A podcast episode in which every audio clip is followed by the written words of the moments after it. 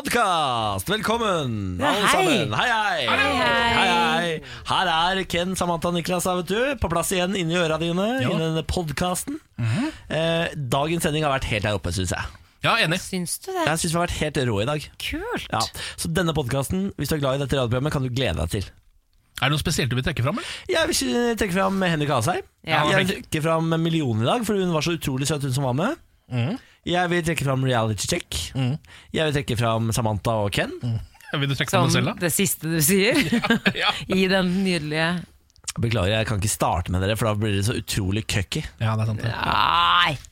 Men jeg er helt enig i at vi har hatt en fin sending i dag. Det har vært uh, fullstappa. Fullstappa gledespølse. Min, min, eh, hva var min favoritt? Hva var mitt favorittøyeblikk i dag? Jeg vet ikke helt, men jeg, jeg klarer ikke helt å slippe to videoer som eh, vi har sett på sosiale medier. Nummer én var da eh, selvfølgelig det er noe du viste, Niklas. Jeg viste Samantha hvordan livet hennes hadde vært hvis hun ikke hadde møtt Emil, nemlig en eh, dame på sånn 5-6-27 år som lå og klamra seg fast til en mekanisk dildo.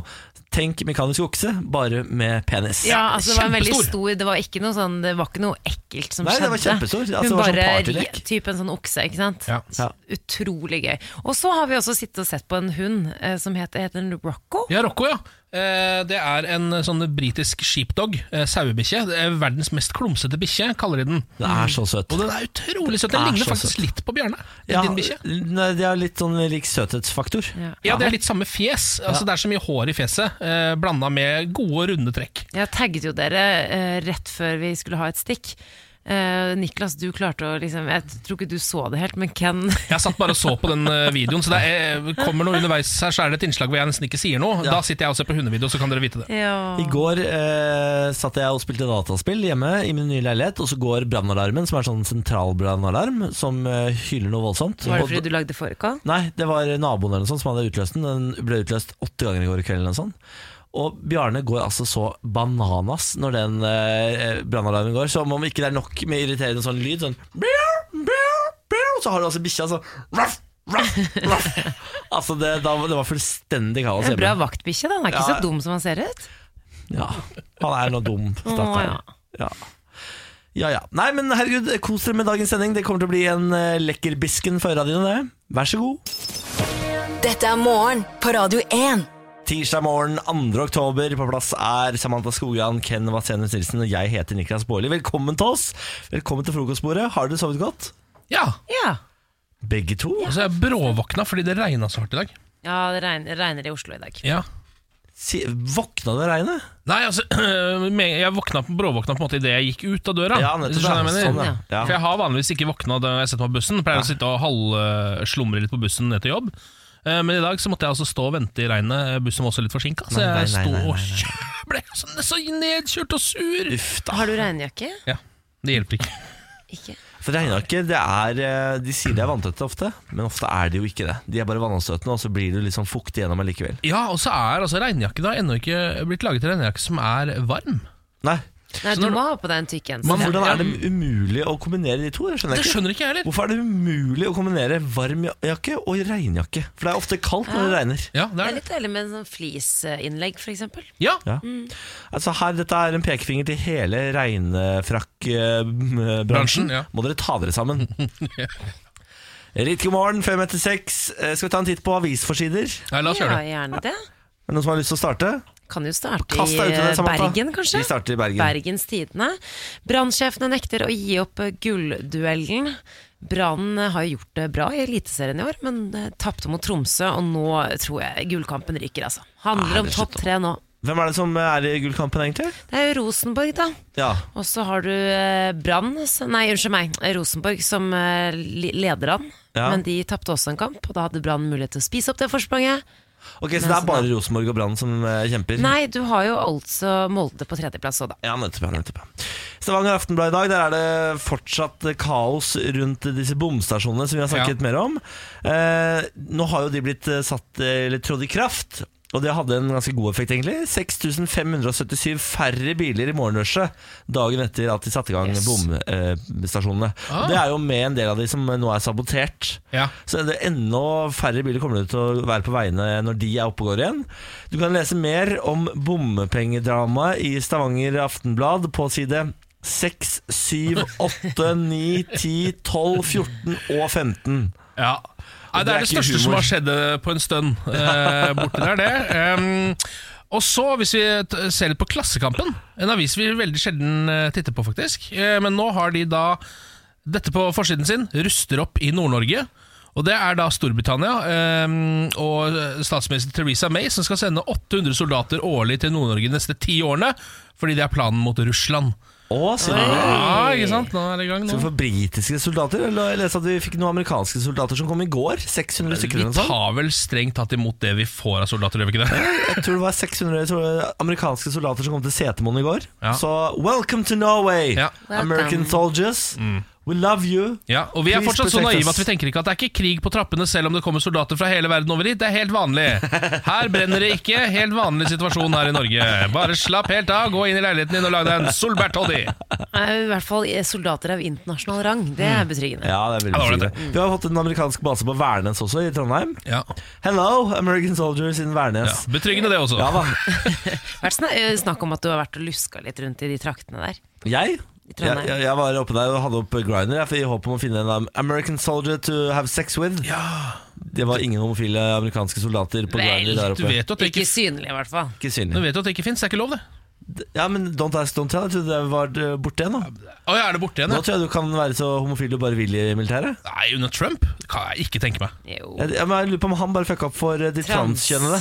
Å, Mm, ja. ja. Så hvis du bare er liksom vanlig homo, Det da er, får du det er lov. plutselig greit? Ja, da er det lov. Ja, ok. Men du kan ikke være en sånn type homo som han syns er vanskelig. Da eh, må du ut av Altså militæret. en åpent homofil mann. Ja, nei, Åpen homofil går fint, bare ikke trans. Å, ja, det er det han ikke Ja, liker. Det er det han ikke liker. Av en eller annen merkelig grunn. Riktig god morgen. Vi tar en melding fra Jakob, som er med oss, som har sendt oss en melding på vår Facebook-side allerede. Han skriver 'God morgen'. God morgen, Jakob. Ja, god morgen. Hyggelig at du har valgt å skru oss på. Vi har jo lyst til å høre fra dere som er våkne f- klokka seks. Dere er på en måte mm, kjernen. Dere er stammen. Uten dere så faller dette radioprogrammet sammen. Så send oss gjerne en melding og si at du er våken, så skal vi ta en runde på folk som er våkne med oss. Gå inn på radio1.no på Facebook og send en melding. Morgen på Radio 1. Hverdager fra seks. Jeg ba i stad om meldinger fra de som er våkne nå, fordi de som hører på fra 6 til 7, det er på en måte stammen av programmet. Våre yndlingslyttere. Ja. Fordi de står jo opp like tidlig som oss og hører på. Og gud hjelpe meg, da kommer meldinger. Leif er våken og pendler til Rakkestad og skriver 'God morgen, skogen, here I come'. Alexander skriver 'God morgen', ønsker alle en finfin fin tirsdag. Og så er det Petter som skriver God morgen, håper det er finere vær i, eh, håper det er finere vær i Lillesand enn i Oslo. Hilsen Petter og Daniel. Eh, det er det vi som har skrevet det. Det er du som har skrevet det, Bård. Lie. Beklager. Det er vi som har skrevet det. Ja. Det- vi- De skriver 'God morgen fra Lillesand'. Hilsen Ja. Petter og Daniel. Og så, Sånn er det.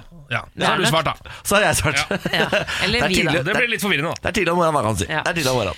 Har dere lest eh, VG-avsløringen om selskapet Adiktologiakademiet? Delvis. Ja. delvis. Ja, eh, En tidligere rusmisbruker ved navn Espen Andresen og hans eh, forretningspartner Laila Mjeldheim har de siste seks årene tjent over 30 millioner kroner på å behandle personer med rus, eh, sex eller annen avhengighet. Og Laila Mjeldheim hun begynte først hos Espen Andresen for eh, å bli kvitt sin sexavhengighet. Ehm, og det Ja. Hun ble, så ble hun plutselig en av hennes nærmeste medarbeidere. Og de har ifølge VG da utsatt sine klienter for sosial eh, kontroll. Og i tillegg så har de da brukt torpedoer, ifølge VG, på folk de har havnet i konflikt med, både tidligere klienter og ansatte osv. Og siste nytt i denne saken som VG kom med i går, er at eh, de i tillegg har engasjert folk til å drive organiserte svertekampanjer eh, mot personer som har eh, avsluttet behandlingen deres, av en eller annen grunn. Ehm, og tekstmeldinger og e-poster viser da hvordan eh, hun Laila Mjeldheim har eh, på en måte dirigert denne trakasseringen. da. En av, eh, en av de mange som har blitt trakassert, er jo den mann som heter Terje Müller Karlsen. Han var først eh, Andresens klient, og så ble han også da en av hans nærmeste medarbeidere. Fikk nok av hele opplegget etter ti år. Eh, Eh, Det likte ikke Espen Andresen og Laila Mjeldheim. Så de eh, presset da seks andre klienter til å komme med ganske eh, rystende anklager mot denne Terje-mannen, som ikke stemte. Uff da. Og la det ut på nettet og startet en egen underskriftskampanje osv. Og, så videre, og dette er bare ett av flere tilfeller. Eh, Det er helt sjukt at de ikke har blitt tatt ennå. Ja, det- Men hva er det de eh, gjør som er liksom direkte ulovlig? For det, Det er det de har slitt med å finne ut av. Ja, fordi Ja. De, de er liksom alltid sånn i gråsonen, har jeg inntrykk av. Mm. Fordi alt de driver med er jo egentlig litt, eh, litt lov, Ja. og litt ulovlig. Men aldri helt ulovlig, eller ulovlig nok til at du liksom kan dømme dem for noe. Ja, for Sterk sosial kontroll er jo helt forkastelig, men det Mm. er jo Absolutt. ikke på en måte straffbart. Nei. Eh, men det, det også VG har snakket med flere juseksperter, da, blant annet Jon Christian Elden og hun Mette Yvonne Larsen, altså flere, flere høytstående advokater, og de mener nå at eh, de kan være strafferettslig ansvarlig. Ja, så nå kan det skje, ja. Ja, altså, eh, men politiet gikk til ut denne uken og sa at de, har, eh, de må egentlig prioritere andre saker. ja for det er, ikke, det er ikke ille nok. Nei. Åh, Men det det er, der altså, er de har så- tjent over 30 Ja. millioner kroner, så er det på en måte Det her minner om, når du leser den avsløringen altså Det må jeg bare hylle VG for, for de er ekstremt gode på det. Eh, Det er- minner om sånne usunne trekk fra sånne religiøse miljøer, sånn sekt. Veldig.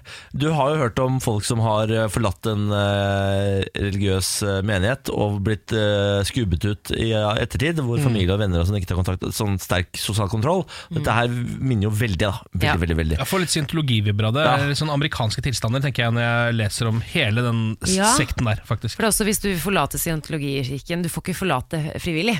Nei. Det er alltid noe trøbbel etterpå. Ah. Ja, og så er det veldig ofte, liksom Inngangen er veldig ofte sexavhengighet i alle Ja. disse Det er veldig rart. religionene. her Jeg, jeg bodde jo i nærheten av hun eh, Mjeldheim en god stund, eh, og kan informere om at hun kjører en Bentley. Som alltid står eh, parkert med fire-fem eh, parkeringsbøter. Men det har hun jo lov til. Ja ja, selvfølgelig. Det er lov, det. Det er, Og bare, råd til. Mm. det er utrolig dyr måte å parkere på. Er det Ja. ikke bedre å bare kjøpe parkeringsbevis? Lurer jeg på. Ja. Eh, Et lite tips, Det er et nytt kanskje. tips fra meg til Mjeldheim, da. Eh, jeg har i går vært helt rå på kjøkkenet. Lagde fårikål. Jeg så det. Det Lagde så helt fårikål til nydelig ut. meg og kjæresten. Ah, sesongens rett. sesongens rett, men jeg gikk helt bananas og lagde en kinavri. Og når jeg har fortalt det til folk, så får jeg, det er 50-50. De hater meg eller elsker meg. Jeg, jeg, ja, jeg er ikke helt, Du må forklare meg hva det er først. Det er eh, å ha ingefær, chili, hvitløk og fennikel oppi. Nei, da hater jeg det. Og Ja, soyasaus. det, jeg, sy- jeg syns det faktisk hører vel, eh, høres veldig godt ut, var men jeg bare syns det kjempegodt. er veldig hipstrete. Ja, det er det, Jeg er litt enig. Og det, hører, det er ikke det at det høres vondt ut, på noen som helst måte men da ville jeg ikke sagt at jeg lagde fårikål, men jeg lagde en kinesisk vri. Da ville jeg sagt at jeg lagde wok. Det er ikke Og jeg wok! testet en fra Østerrike eller Ja. Belgia, og det var også veldig god. Det er ikke wok. Jeg, altså, jeg fant den oppskriften av Trond Moi, eh, som er eh, Trond Moi, tror jeg det uttales. Det er en video fra 2000-tallet! Det er ikke- det er ikke hipstrete i det hele tatt. Men, ja, men jeg har aldri hørt om det, så det må være hipstrete. Nei, altså, Google fårikål på tur til Kina. Det er det den heter. Fårikål Det var litt koselig. Ok, det var ikke så, det var ikke så Men hipstrete. igjen, ing- ingrediensene hørtes jo helt, det hørtes jo helt Du, fantastisk det ut. er helt nydelig, fordi fårikål i seg selv er jo kjempegodt. Ja. Men fårikål i det du får litt spice i det og litt smak i det, så er det jo helt fantastisk. Altså, eh, Du tar nesten like mye soyasaus som du tar vann nesten og koker opp. Ja. Helt fantastisk. Ja, Vil du si at det var bedre enn tradisjonell norsk fårikål? Det vil jeg si. Jeg syns eh, fårikål på ki- eh, tur til Kina er absolutt verdt å prøve. Den Eh, moderne tunga di tåler ikke vanlige matretter lenger. Du må, det det Ja. samme som indisk mat. Ikke sant? Det, det går, ingenting er sterkt eller bra nok. Men jeg er så, jeg er så verdensant. Ja, du er virkelig det. Oi, oi, Jeg er så oi. verdensant, jeg må bare ha litt spennende smaker fra her og der. Ja, Du må passe deg så ikke du får racertang, for det kan hende man får det av å for mye spice. Nå fikk jeg altså den beste låten i hodet. I'm gonna give you a lick with my razor tongue. Ja. No, I Husker du den won't som ever låt stop. No, I won't shut up. Nei, Det er nok en låt som tilhører, tilhører. Vi skal finne den Ja, vi til skal- Vi skal spille Altså, litt av den Niklas før er like nyhetene. gammel som meg, så Morgen på Radio 1. God morgen og god tirsdag. Uken er godt i gang. Jeg håper at eh, din har startet på best mulig måte. At du har vunnet i Lotto, eller i det minste i hvert fall blitt onkel. I det minste I blitt det onkel. Det kan jeg minste blitt være med på. onkel. Ja. Eh, vi setter veldig pris på hvis dere sender oss en eh, melding og forteller oss hva deres lille plan for dagen er. Vi lurer jo veldig på det, for vi har jo alle små planer for dagen selv. Eh, hva er din i dag, Ken? I dag eh, tenkte jeg skulle hjem og se på The Man in the High Castle. eh, som Ja. er en TV-serie jeg nettopp har begynt på. Ikke sant? Ja. Eh, Samantha, din lille plan for dagen? Har ingen eh, plan, så jeg vil gjerne få inn tips. Ikke sant? Jeg får besøk av min far i dag. Det er min lille plan for dagen. Hva er din? Send inn på radio1.no på Facebook. Italias mest suksessrike elsker er nå død. Nei! Jo. Nei, nei, Jo, nei. han har nei. gått i grava nå nylig. På onsdag skjedde dette. Eh, Dagbladet skriver om det, denne saken. Den italienske playboyen Maurizio Sanfanti ble 63 år gammel. Det finnes mye originale mennesker rundt om i verden, står det her, og det kan vi vel være enig i. Mm. Det kan jeg gjøre. Eh, Blant flere milliarder av folk på kloden dukker det tidvis opp mennesker som går under kategorien unikum. Skal vi tro oppmerksomheten italienske Maurizio Sanfanti har fått de siste dagene, falt han under sistnevnte kategori. Han hadde da tilnavn som Italias mest suksessrike elsker, som vi nettopp har vært innom, og Riminis Romeo, som jeg også liker. La de da? Eh, og det var fordi at han i løpet av sitt 63 år gammel eh, liv lå med rundt 6000 kvinner. 6000 kvinner? Ja. Eh, Wow. og så Ja, det står det er her wow. Onsdag tok livet hans slutt, men det hersker ingen tvil om at han døde som han levde. Italienske medier skriver nemlig at han fikk hjerteinfarkt bak en bil midt i en hyrdestund med en rumensk turist på 23 år. Ja, Det er en liten applaus, det, altså. Hvordan, eh, altså, det er, her er det mye imponerende. Ja. Blant annet at han eh, klarer å ligge med en 23-åring bak en bil når du er 63 selv. Her er det et bilde av han. Altså, han ligner litt på han eh, Fabio, eller hva han heter. Ja, modellen, gamle hå- langhårede modellen Fabio. Som var på alle erotiske noveller på 90-tallet. Ja. Kunne du eh, åpna gledeskiosken for eh, denne mannen, Samantha? Hvis han hadde klippet håret sitt, så absolutt. Sier Han det. kjører litt klassisk eh, Casanova-stil. Eh, han har langt, lyst hår. Han har et gullkjede rundt et, eh, en brystkasse med veldig mye hår på.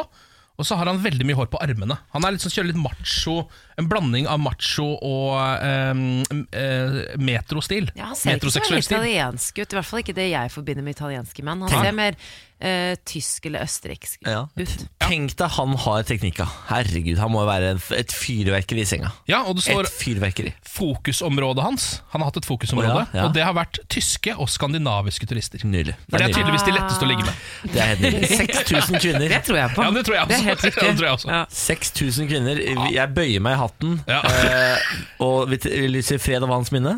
Nå skal vi en tur til eh, Oslo-området, hvor ungdommer herjer på vinmonopol. Dette har jeg sett. I sommer har flere polutsalg fått besøk av truende ungdom som stjeler og herjer. Politiet tror det kan være snakk om en organisert gruppe.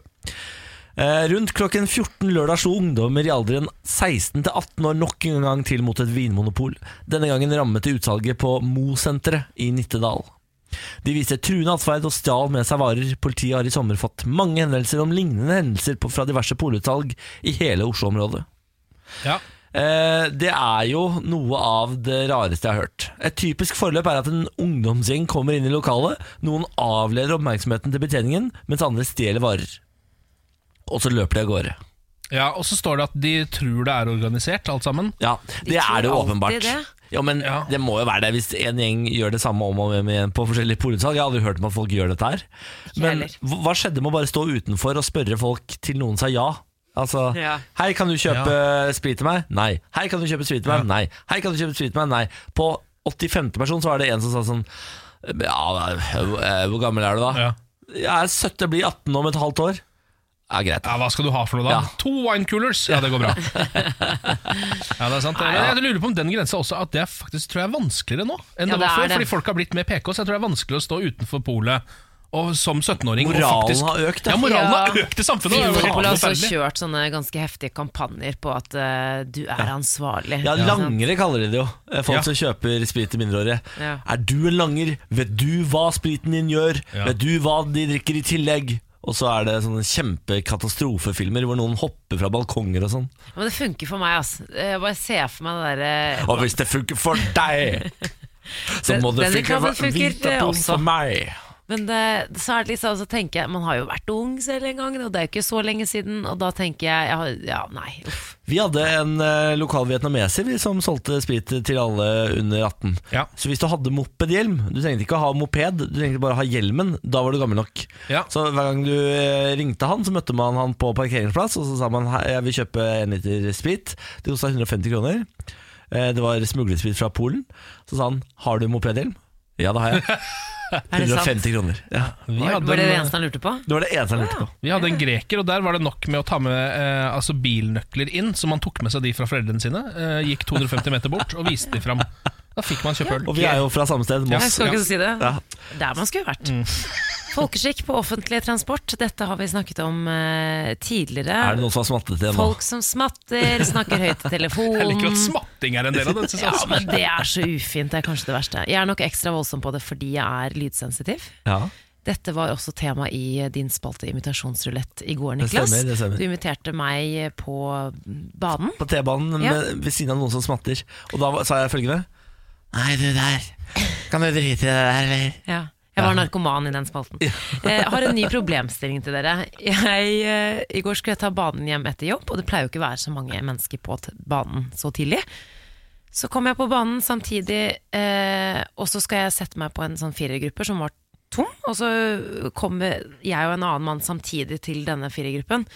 Men så stopper han og på en måte blokkerer den litt, og så liksom ser han litt på meg, og så begynner han liksom å holde liksom litt ut med armene sine. Så jeg tenkte bare sånn hva er det- liksom, Hvor mange seter vil du ha? Ja. Så jeg stopper litt opp, og så han var jo litt eldre, og så så jeg at han var turist i tillegg. Så kommer det på en måte tre damer, så han sto på en måte og Ah, holdt, holdt av, av. ja. denne fire. Og jeg s- var jo da i telefonen, så det, det jeg gjør er å si sånn «Ah», Og så går jeg. Jeg synes, for så vidt riktig reaksjon. Er det lov å holde av Nei. en tom firergruppe Nei. når du ikke alle er der? Ja, det spørs hvor gamle de er. Altså hvor eh, De var, de var 60, de var ikke eldre enn 60. Ok, da, for da er de fortsatt såpass raske til beins at eh, da trenger de ikke å holde av. Om Og folk må at Dette har jeg aldri skjønt, hvorfor folk er så livredde for å eh, sitte fra hverandre på kollektivtransport.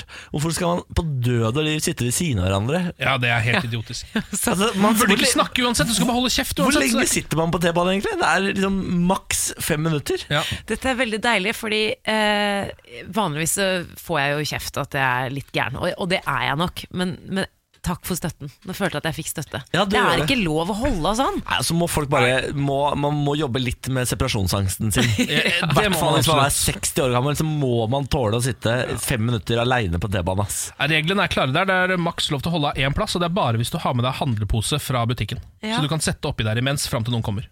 Ja, Da syns er jeg det enig. er lov. Mm. Det er enig. Ja. Enig. Takk. Da har vi en Akkurat det. universalregel på dette. Mm. Dette må alle føye seg etter. Bare hyggelig. Dette er morgen på Radio 1. Men det er eh, tirsdag, det vil si at det er eh, duket for sportshjørnet. Tenkte vi kunne faktisk gå rett på sak, Ja. til en litt usportslig sak eh, som rammer verdens største fotballstjerne, nemlig Cristiano Ronaldo.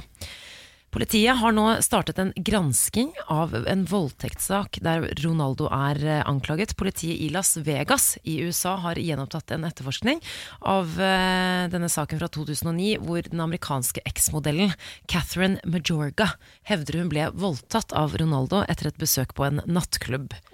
Fotballstjernen sier det er fake news, men nå har politiet tatt opp saken, så det gjenstår å se hva som eh, kan skje. Men dette kan jo bety eh, Ja, dette er bad news. Det er veldig bad news. Ja, dette er jo eh, Dessverre så er jo USA og kjendiser der borte belemra med veldig mange sånne falske anklager. Så Ja, det er jeg, sant, jeg det. sliter med å liksom ta stilling til det før eh, etterforskningen eventuelt har kommet godt i gang. Fordi det, er jo, det kommer jo altså så utrolig mange sånn 'Du er faren til mitt barn', så viser det seg Mm. at de aldri møttes. Eller 'Du har voldtatt meg', og så har de aldri vært i Men sånne sånn samme by. artister, for eksempel Drake er jo midt oppi en sak nå, Mm. med, med en eh, eksmodell som har anklaget han for eh, voldtekt osv.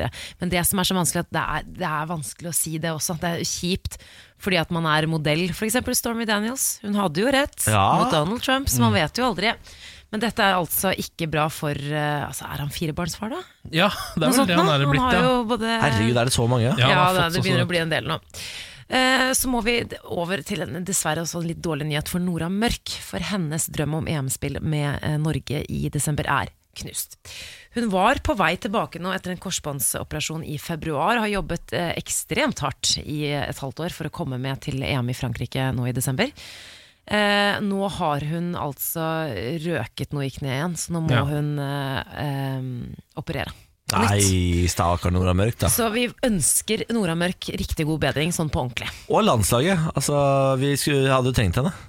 Ja, ikke minst. Vi har eh, heldigvis et godt lag sånn sett. Hun har jo eh, ikke blitt med før, og det har gått bra, men eh, det er veldig synd å miste en av stjernene. Det er det. Så til en gladnyhet, dere. Ja! Jeg tror også Ken du blir litt glad. Du Ja. har sikkert fått med nyheten om at Ryan Giggs blir ny fotballekspert for TV 2. ja, det er rått. Det er veldig rått, og spesielt eh, altså, Nå for første gang så er jeg litt lei meg for at ikke jeg jobber i TV 2-sporten. Men jeg skjønner ikke, Kommer han til Oslo og skal drive og holde på herfra? Nei, altså han skal i utgangspunktet eh, skal vel være på jo stadion, sikkert? Han skal være på indre bane. Altså, Å han skal ja, være på stadion. Man skal sier du også det? være i studio sammen med eh, Julie Strømsvåg og co. Nei, nå må du jo, gi jeg tror deg. det, men først og fremst indre bane, og så er det da i forbindelse med Champions League-sendinger. Også Ryan Giggs, har gitt. Ja, og det starter allerede i kveld, eh, fordi TV 2 har jo startet en ny sånn kanal som heter TV 2 Sport 1, tror jeg. Og der har de altså uppet gamet på Champions League-sendingene, og det starter allerede i kveld. For da skal Manchester United møte Valencia. Men Betyr det at man må ha betalingsevne nå da, for å se Champions League som man kunne se på TV3 før? Eh, ja, i hvert fall eh, noen av kampene. Det er noen som fortsatt går gratis også. Ja, men Det hørtes ut som dagens kamp, f.eks. United-Valencia. Det er jo Ja. en toppkamp. Jeg har for eksempel kjøpt meg det Selvfølgelig har abonnementet. du kjøpt deg det abonnementet. Så man må kanskje ha det. ja. Mm. Jeg, altså jeg begynner å synes synd på sportsfans, ja, for det må være ganske dyrt å være sportsfan i 2018. Det er jo så utrolig mange pakker du må kjøpe. Ja, det er helt håpløst. Eh, og så er det jo også sånn at eh, halvparten av de har jeg jo tenkt til å på et tidspunkt si opp, men det glemmer man jo når man har for mange. Det er det. Det blir luksusfellen på hele opplegget her. Altså. Står og går og går og går, og går i de abonnementene her. Du må, bare- det, mitt tips er bytt kort, for da går jo alle abonnementene ut automatisk. Så må du fornye kort eh, i de abonnementene du har lyst til å ha. Der har jeg litt flaks, for det ene kortet mitt går ut i disse dager uten at jeg trenger å gjøre noe med det. Mm. med det. Ah. Men du, hvem var du? Altså, sånn, fordi te- jeg husker jo fra liksom, jeg var jo, Broren min var jo fa- United-fan da jeg Mhm. var liten på 90-tallet. Hadde jo selvfølgelig Beckham eh, overalt på hele rommet vårt. Vi, hadde jo, vi delte rom. Har du en bror? Og det var eh, en mensch- Jeg har vist deg bilde av han også tidligere. Hvor gammel er Og broren du syntes din? han var kjekk, så det Sier ja. Hvor gammel var han igjen? Sånn? Han er 90-modell. Han er 90 modell, og yngre enn meg, sier du? hadde Hva heter han da? United-sengetøy. Han heter Jakob. Hei, Jakob. Eh, og han, eh, så jeg ble jo naturligvis påvirket av dette. Ryan Giggs var også da en av de store heltene. Fytti steike bacon hvor kjekk Ryan Giggs var. Han er fortsatt ganske kjekk, men Ja. han var altså helt eh, hinsides da han var litt yngre. Helt sjukt. Spilte 24 sesonger, tror jeg, for Manchester United. Har vært Ja. med på 13 Premier League-titler. Og jeg bare blir sånn det, det blir veldig starstruck av at han skal være med på TV2 sine sendinger. Det Ja. er litt teit. Og det er ikke for bare sånn fordi at jeg syns han er kjekk, det er bare fordi det er Ryan Giggs. Ja, ja, ja, ja, Jeg- så han var jo ja, ja. ikke helt min type. Han er litt for stort navn. altså De de har der fra før, er sånn Trevor Morley, for eksempel, som Ja. spilte litt for Brann og, og Westham og sånn før. Ja. Han, er, han har spilt masse Premier Ja. League-kamper, Nå nå, men er det det begynner å bli Ryan Ryan Giggs. Da begynner men det å bli da, Robin- sånn. Robbie Keane kommer når eh, Tottenham skal møte Barcelona. Og Robbie Keane! Ja, ja, så her Herregud. er det uppe gamet. Men bare få med dere Ryan Giggs, da. Jeg skal gjøre det. Jeg skal Ok. få med oss Ryan Giggs. Morgen på Radio 1. Hverdager fra seks.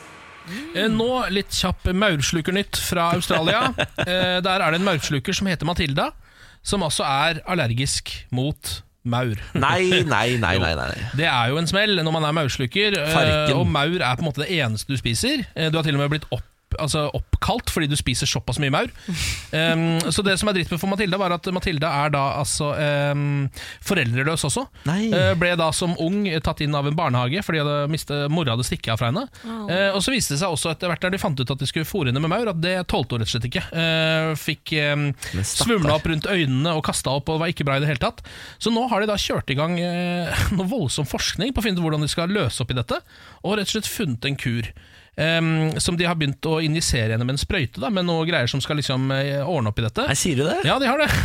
Og nå ehm, er det seks måneder siden sist hun fikk en injeksjon. Eh, alt ser ut til å gå meget bra. Ehm, så de m- tror da liksom at hvis de kjører på med én liten injeksjon til nå, så vil hun være fullstendig kurert. Jeg, jeg måtte google maursluker fordi jeg måtte bare plassere bildet av en maursluker i hodet mitt. Men visste du at en maursluker kan bli 41 kilo tung? Ja, maurslukere kan bli voldsomt 1 ganske tungt. kilo? Ja, de kan bli 2,2 meter altså. lange.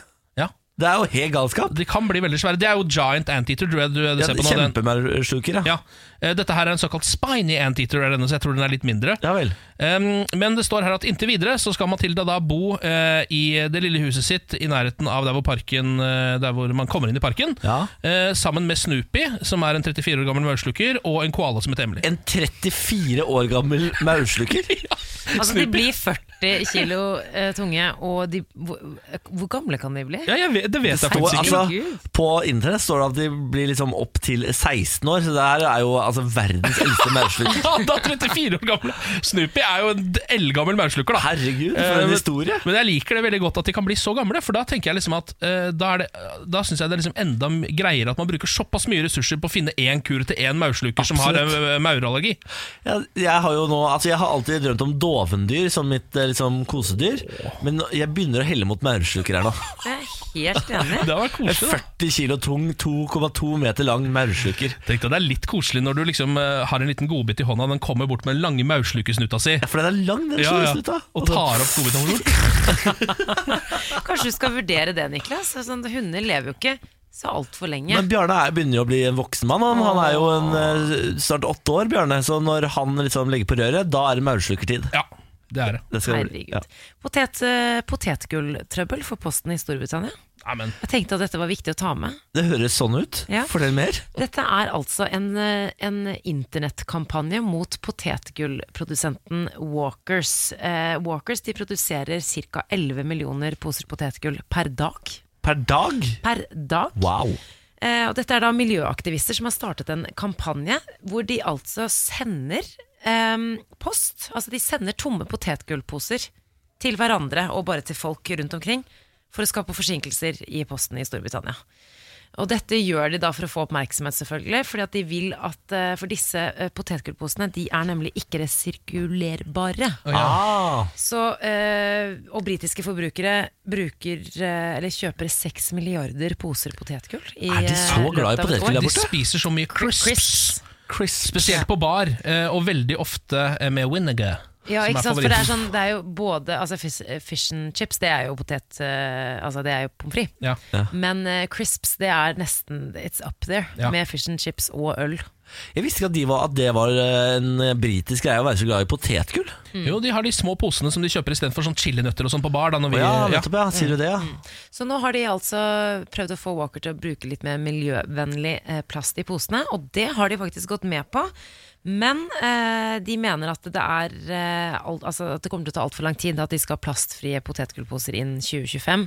Men det, aktivistene syns ikke det er bra nok, Men så de fortsetter å sende tomme potetgullposer til hverandre. Se på Sørlandschips, da. Ta på eh, pappposer, sånn som de er. Ja. De er jo vel ikke plast. Nei, de sørlands... Nei, nei, det er jo Sørlandschips ikke har det. jo Sånn løst de aluminium greiene. inni. Papp er ikke plastbolig. Papp er ikke plast. Det kan du ta med deg videre i Mm. livet. Vi skal en eh, liten tur til Skavlan. eh, Fordi de, han har jo gått over til TV 2, og seertallene er ikke like gode som de var på NRK.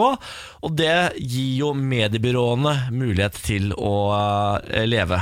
Ja. Mediebyråene er jo kanskje det dummeste som finnes i verden. Fordi det de driver med, det er å bli ringt opp av NRK og VG og sånn, og så skal de kommentere på seertall. Eh, så- og de gir alltid helt sånn opplagte svar. Eh, For eksempel er det nå TV-direktør i mediebyrået Group M, Glenn Engebrigtsen, som får lov til å uttale seg om Skavlan-seertallene. Han skriver jeg tipper at estimatet på Skavlan lå mye høyere enn disse seertallene. Ja, det er jo Mm. revolusjonerende jo- tanker. Han sier også Jeg tror ikke nødvendigvis at det går i pluss for Skavlan akkurat nå. Fordi man selger jo reklame på dette, ikke sant? Og så videre, og så videre, og så videre. Og så får han lov til å uttale seg, dette mener jeg er det beste sitatet hans. Jeg tror det skal veldig mye til før man tar av Skavlan. Jeg tror også programmet har nådd bunnen nå. Det er en skummel påstand, men jeg tør å si det, Oi. sier Engebrigtsen til NRK. Ja, jeg har fått en sitatmaskin her, da. Ja, i hvert det fall. er, for en sitatmaskin. Jeg mener at vi skal gi honnør til mediebyråene som tør å legge hodet sitt på hoggestabben på denne måten her. Ja. Være der ute, være litt sånn fremoverlent, helt framme i skoa, mene ting om TV-bransjen. Ja. Si helt åpenbare ting som f.eks. at 300 000 ikke er nok seere for Skavlan. Det er selvfølgelig revolusjonerende for alle der ute. Når Engebrigtsen får lov til å uttale dette til NRK, da blir folk bare da blåst av banen! Hva er det du Men, sier, eh, man Engebrigtsen? trenger Er det ikke nok? Å ringe de, for du kan egentlig også bare ringe John Skogran, min bestefar. For han har uttalt seg om dette på Facebook-profilen sin. Ah, Han har det. Hva sier- hva Og sier han? John Skogran han skriver følgende Skavlan eller Lindmo, to like programmer som består av å intervjue personer med en liten musikksnutt som avslutning. Hvem av dem som vinner, avhenger av hvem som hanker inn det mest interessante intervjuobjektet, for min del. That's all. Ikke sant? Men her må du jo ringe bestefar og så må du si hva er det du driver med? Dette her kan du ta tusenvis av kroner for. Du må starte mediebyrå. Du kan ikke gi fra deg disse tipsene og rådene og Gratis. signal- Offentlig sitatene. innlegg. Gratis! Ja, ja. Helt teit. Altså, NRK tørster jo etter disse sitatene. Jeg vet det, helt teit. Ja. Nei, Du må ringe bestefar og få Jeg skal slutt på det der ASAP Rocky. Morgen på Radio 1. God morgen, god morgen, Samantha. God morgen. God morgen, Ken. Morgen, morgen. Og god morgen, Maria. God morgen! God morgen. Hvordan står det til med unge Maria i dag? Det går veldig fint med meg. Ja, Så godt å høre. Vi hadde et inngangsspørsmål til Radio 1 million i dag som låt eh, som følger. Hva heter Norges største fylke i areal? Ja, Hva svarte du da? Da svarte jeg Finnmark. Eh, Finnmark, og det stemmer selvfølgelig. Eh, helt korrekt. Helt korrekt. Det stemmer helt korrekt, det. Det stemmer helt korrekt. Det er god norsk. um, Maria, har du en plan for dagen? Ja, du, nå driver jeg og gjør meg klar for jeg skal på jobb. Hva jobber Maria Og med, da? så Maria jobber innenfor eh, statlig sektor som er saksbehandler og dokumenthåndtering. Oi, så du Ah. er mye smartere enn alle oss tre til sammen. Mest sannsynlig. Det, det skal jeg ikke eh, gå ut og si, altså. Hvor er denne jobben, da? Hvor i landet? Eh, I Oslo. I Oslo, ja. Hvor er du fra egentlig? Jeg er egentlig fra Nordland, Ja. eh, Vesterålen. Vesterålen. Oi, ja, vakre der er fint, Vesterålen. da. Hæ? Ja.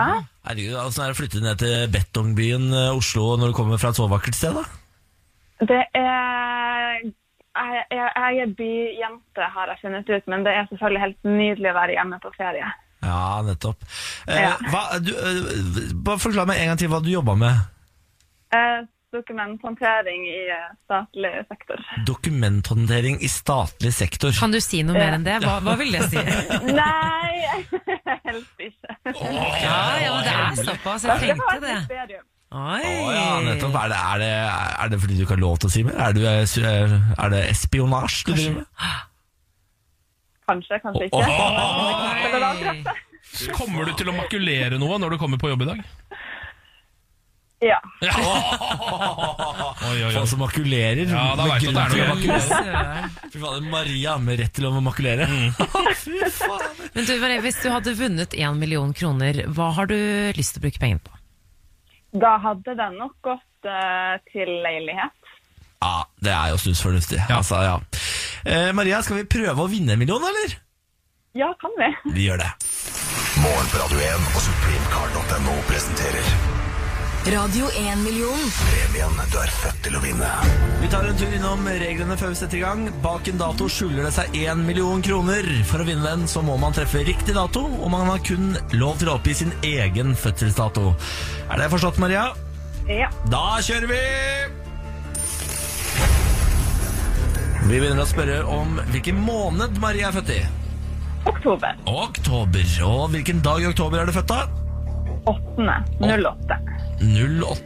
Ok, og hvilket år? 1993. 10.08.1993 er det det som skal låse opp hvelvet til Radio 1. 93. 93, ja. Ja, 93, ja. Ja, ja. Uff. Holdt jeg på å taste inn feil her. Må ikke- Ok, vi prøver, da.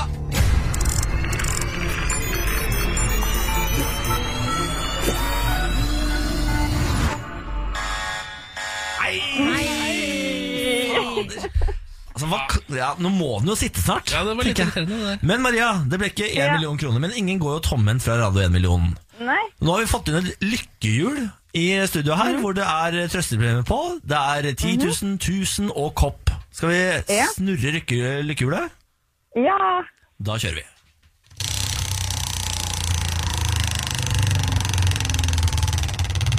Elsker lykkehjul, altså. Ja, det, er veldig... ja, det stopper på det Stopper på Ja, det ble 1000 kroner, det, Maria! Oi! Det er ikke gærent, altså. Det er jo en helt ålreit start på tirsdagen, det, vel? Ja. Må du passe på at Det er ikke den du beste tar dagen i ut um, uka, om så det- Å, er det det? Syns du Ja. tirsdag er beste dagen i uka?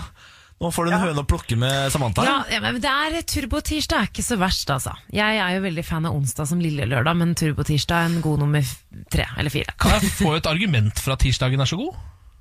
Eh, mandag er du veldig forberedt på at eh, du skal på jobb igjen etter en deilig helg. Ja. Eh, og så kommer tirsdag som en sånn kjip dag midt imellom. Eh, fordi at onsdag er du halvveis til helg, torsdag er det jo tross alt fredag i morgen, og fredag er fredag, og så er det helg. Ja, det var, Dette har du det tenkt, var, dette har du tenkt på, så det Ja, vi kjøper den. Vi kjøper den. men du, Maria, er det, har du, var det oktober? Er det, har du snart bursdag? Ja, bursdag neste mandag, eller mandag som kommer. Ah, ikke tirsdag, men det går fint. Ja. Kan du Ja. feire inn i tirsdagen? Ja, det kan jeg. Maria, eh, tusen takk for at du deltok. Gratulerer med 1000 kroner. Og så skal du selvfølgelig få en kopp i posten i tillegg. Og tusen takk, og tusen takk for at jeg fikk være med. Jo, bare hyggelig. Ha en fin tirsdag, da. Takk, i like. Ha det! Ha det. Morgen på Radio 1 og supremecard.no presenterer Radio 1-million. Premien du er født til å vinne. For din mulighet til å låse opp millionen, lytt hver morgen 10 over 7. Radio 1 er dagens største hits. Og én million kroner hver morgen. Radio 1. Morgen på Radio 1. Inne på Dagbladet nå så leser jeg ny rapport om grensehandel. Ja. Eh, kan ikke kalles annet enn en krise av overskriften. Hver gang vi bestiller godteri og Pepsi Max på nettet, settes norske arbeidsplasser på spill, viser rapporten.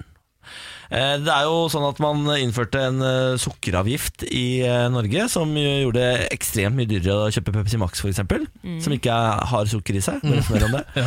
eh, som gjør at eh, veldig mange har jo gått for den der gode det der, For veldig mye reklame for det på Facebook. Det er sikkert fordi jeg er en godtegris, da.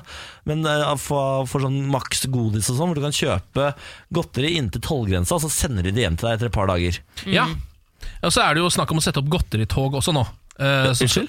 Det har jo vært snakk om et Ah, godteritog. du var ikke her da vi snakket om det. Vi Godteritog? skulle Ja. gjøre det i eh, fellesskap. Jeg sa at den saken var faktisk dedikert til deg. Det er eh, til eh, Hva heter ikke, altså, ikke Nordby, men eh, Char- Charlottenberg, nettopp. nettopp. Mm. nettopp. Så det er et tog som skal gå til stasjonen der, og så en heis rett opp i godteributikken. Det er ikke kødd engang. Det er, det var, Er de driver og bygger dette, på- ja. er dette ikke kødd? Nei, det er ikke kødd. Så øh, Vi vet jo ikke helt når det skjer, da, men det er på en måte for å gjøre det litt lettere for folk sånn som meg og Ken, da, som ikke har lappen. Ja. Så kan vi på en måte bare sette oss rett på toget. Nettopp. Eh, De som satte opp eh, denne sukkeravgiften, og som satte norske arbeidsplasser i eh, spill, er jo selvfølgelig regjeringen. Vi har en representant fra regjeringen her i dag. God morgen, Henrik Asheim. God morgen, god morgen. Det var Flaks at du var her akkurat nå. som hadde den saken her. Tenkte dere ikke på det her? Jo da, det gjorde vi. Og det er jo, altså, for det første så har man jo fått disse brustallene, f.eks. Det viste jo at nordmenn kjøper jo mer brus i Norge etter at sukkeravgiften kom. Så det er jo Ja. ikke helt altså, Å, Ja da, og, det er jo, og så sier brusfolka sånn Ja, men det var så varmt i sommer. Men altså, sånn, sånn er det jo uansett, da. ikke sant? Men sannheten er tror jeg at man kommer til å måtte venne seg til at folk handler på nett mye mer enn før. Altså Hvis du reiser til USA, da, så er- ser du kjøpesentrene legges ned en etter en. Varehandelen sier sånn det er krise, det er krise. Og så sier de at det er pga. 350-kronersgrensen, altså at du kan bestille for så mye, eller det er sukkeravgiften eller sånn. Jeg tror det er mye egentlig mer alvorlig og komplisert enn det. Det er at folk handler på nett, og det kommer folk til å gjøre i større og større grad, også mat. Ja, Eh, men Da må man vel fjerne al- al- Altså, da, den 350-kronersgrensa må bort, den da. Ja, Det er jo en av de tingene som Torbjørn Røe Isaksen faktisk har sagt nå, at han skal liksom, legge fram en sånn utredning på og sånn, da. Å, sier du det? Ja da, men, men Å, det kommer til eh, å bli upopulært! Ja, og jeg er Å, mot fy det. faen, Jeg så er mot det. populært. Jeg Ja. forstår poenget. poenget er at det er ikke sånn at vi lager alt i Norge. Vi lager ikke ledninger i Norge. Vi lager ikke sånne ting. Og dette her er bare Grunnen til at vi gjør det, er at fordi alternativet er å betale 350 kroner, som vi må bruke 350 kroner på å fortolle. Ikke sant? Ja. For, å- ikke sant? Det, det, vinninga går opp i spinninga i byråkrati og ting. da Pluss at som sagt, folk handler på nett. Hvorfor kan ikke folk kjøpe varer som ikke vi lager i Norge, på nett billig, enkelt og greit? Ja, Lage Uten Pepsi masse Max i byråkrati. Norge, da. Pepsi Max lager vi faktisk i Norge. Ja, men eh, det er veldig mye billigere å kjøpe det på eh, nett. Ja da, det er det. Eh, og det er klart at Man kunne jo for eksempel sagt at du fjerner 350-kronersgrensen på varer som har særavgift Ja, i Norge. Kunne du nettopp, for eksempel gjort. Så da hadde du Um, ikke fått eh, Pepsi Max og godteri, da. Nei, altså du hadde jo, Det hadde jo antagelig fortsatt vært billigere med godteri i Sverige enn i Norge. Det hadde, ja. Ja, Ja. eh, Det er rart med det. Folk Kongen, da. får Nei. tak i sukker uansett, tenker jeg. Ja, det gjør det, altså. Ja, det Ja. er sant, det. det, er sant det.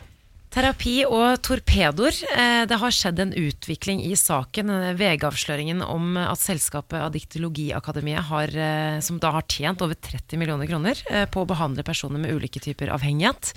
Eh, Det er altså en tidligere mis- rusmisbruker som heter Espen Andresen, eh, som driver dette foretaket sammen med hans forretningspartner Laila Mjeldheim, som også har slitt med avhengighet. Eh, ved- Ifølge VGs avsløring så har de utsatt sine klienter for eh, sterk sosial kontroll. De har i tillegg eh, brukt torpedoer på tidligere klienter og ansatte som de har havnet i konflikt med. Eh, De skylder ansatte, eh, an- sine ansatte penger eh, osv. osv. Siste nytt ifølge VG er at Andresen og Mjeldheim da har engasjert folk, og da er klienter eh, hovedsakelig, til å drive svertekampanjer mot personer som har avsluttet behandlingen da, hos Addiktiologiakademiet. Ja. Og det VG da viser til er tekstmeldinger og e-poster eh, som da viser hvordan da Laila Mjeldheim da driver med trakassering, rett og slett. Ja, for de er avslørt av tekstmeldingene. Ja, eh, men så har vi jo snakket litt om denne saken tidligere, for det er litt sånn gråsone på hva som er eh, lovlig eller ikke. De har jo holdt seg ganske greit innenfor denne gråsonen.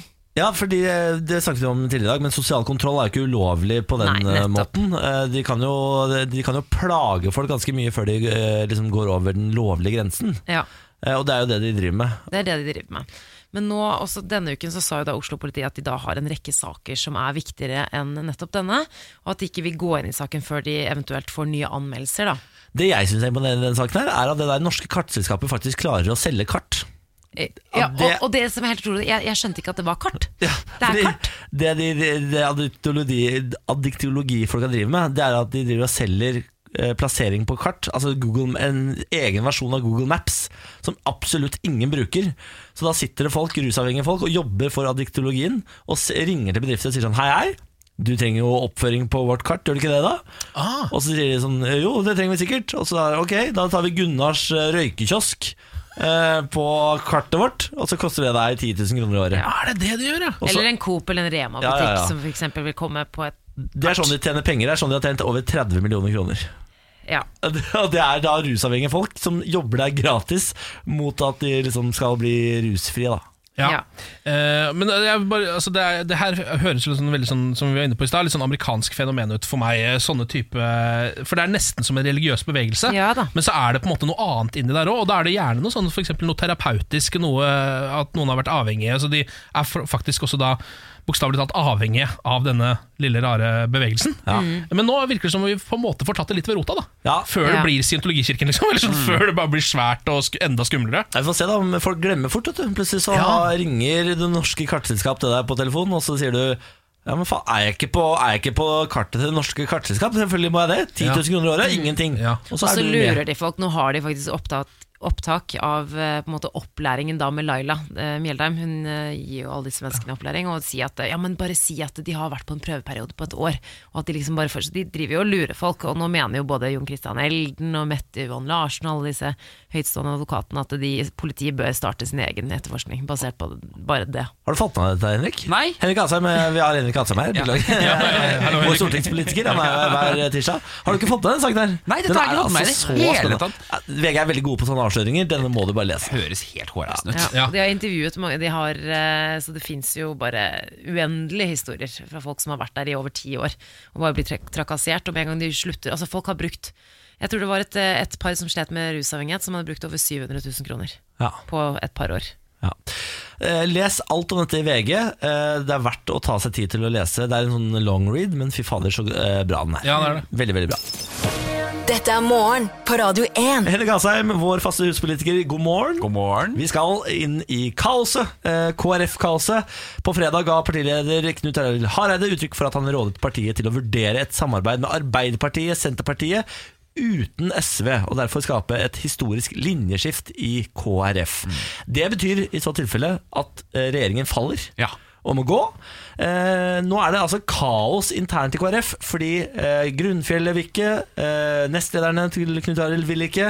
Ingen vil egentlig, bortsett fra Knut Arild Hareide. Hvordan havna KrF i det dilemmaet de er i nå? De, eh, det begynte egentlig allerede i 2013, da de borgerlige vant valget. For da, sa KrF, da gikk KrF også til valg på en borgerlig regjering. Og så Erna er statsminister, Mm. og så videre Og så forhandlet alle de fire, og så klarte ikke de å bli enige om en regjering. Så ble bare Høyre og Frp. Og så ble KrF og Venstre sittende på vippen i Stortinget. Og det var greit. Og så vant jo de fire borgerlige partiene valget igjen i 2017, og da sa Venstre vippeposisjon er så sykt kjedelig, Ja. så de gikk inn i regjering. Og Det var da- fordi de holdt på å forsvinne. Altså, De var jo i ferd med å bli borte som parti fordi Ja. de var på vippen. Ja, og så nettopp, ikke sant? Så de mente vi klarer ikke å vise alt vi får til, så det er bedre å få statsråder og sånn. KrF gjorde ikke det. Så nå sitter jo KrF alene utenfor, på en måte. Ja. Mens det er liksom en fest inne i det ene rommet, og så er det en fest inne i det andre rommet, og så sitter de på gangen. Så sier de vi gir ikke sitte på gangen lenger, vi må gå på en fest. Og så sier de men hvilken Mm. fest skal vi gå på? Ja. Ja.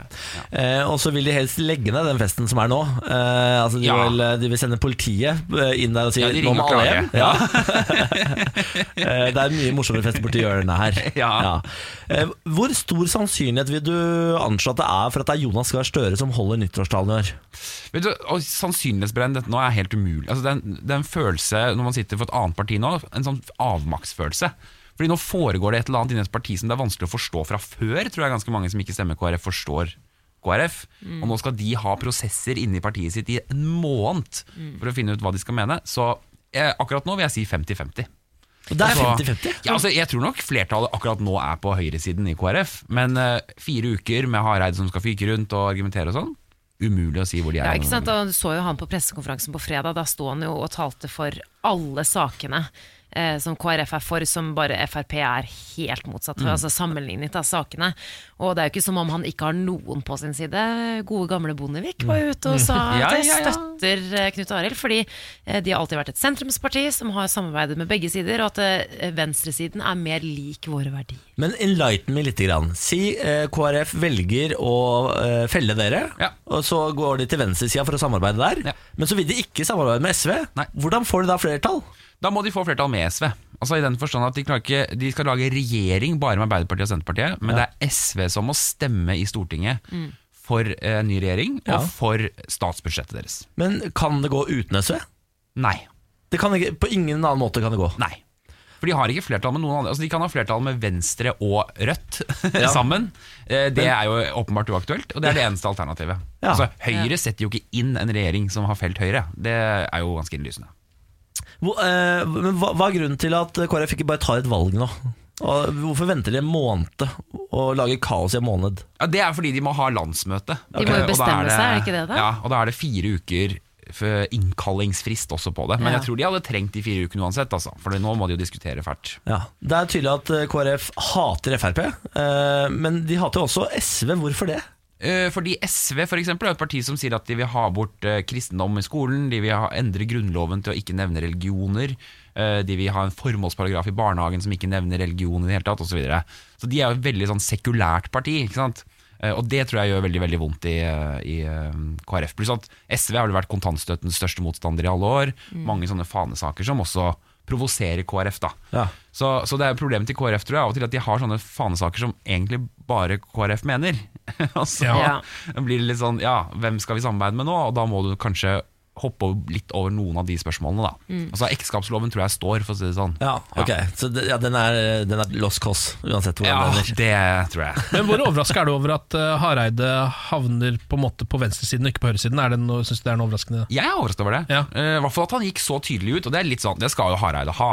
Altså Nå har alle vært sånn Åh, det er jo ingen som skjønner hva han sier. Mm. Ok, nå skjønner vi i hvert fall hva han sier, da. og så kan du være uenig med han, men ja, han, ja jeg Men skjønner jeg hva han mener. lurer på, eh, fordi det har jo gått eh, rykter om at eh, Hareide og Støre har en liten plan. At de har, litt- at de har snakket mye sammen. Mhm. Og er, det, er det noe hold i de ryktene? her? Hva, hva vet du om det? Det sies jo det, og det er jo, jeg tipper litt sånn hvis du plutselig kommer hjem litt overraskende, så slår kjæresten din opp med deg, og så får en ny dame to uker etterpå. Så skjønner du at her har det vært overlapp. Du møtte ikke henne etter at det ble slutt med Nei. oss. Sånn at, eh, så det føler vi jo nok litt at det har vært en form for utroskap, ja. Oi, Å, oi, ja, oi, sier oi. du det? ja. Nei da, de har drevet men og han må jo- spuna, han og Jonas. De har spuna, ikke Fy sant? fader. Så er det ikke sikkert at de har liksom gjort noe godt lenger, eller noe sånt, Nei. men de har jo åpenbart data. Men da. er det lov å drive og date da, når du er i et annet forhold? Nei, jeg føler ikke det, egentlig. Ass. Nei. Så i hvert fall er det viktig å si fra, i så fall. Men eh, for, fortell meg, hvis eh, det nå ender med at KrF eh, har disse fire ukene hvor de samtaler, samtaler, samtaler, og så ender det med at de eh, fortsetter å støtte eh, høyresida, Ja. kan da Knut Arild Hareide fortsette som leder for KrF? Det sier han jo selv at han kan. Ja, ja det, han sier det, Ja, men ja. eh, hvis du skal se på dette som en politisk kjenner, er, er det mulig for han å fortsette? Det er, det er et godt s- Det er vanskelig å si. Altså, han sier det. Jeg tror KrF også er veldig opptatt av at dette ikke skal liksom rive partiet i fillebiter. Noen kommer til å tape.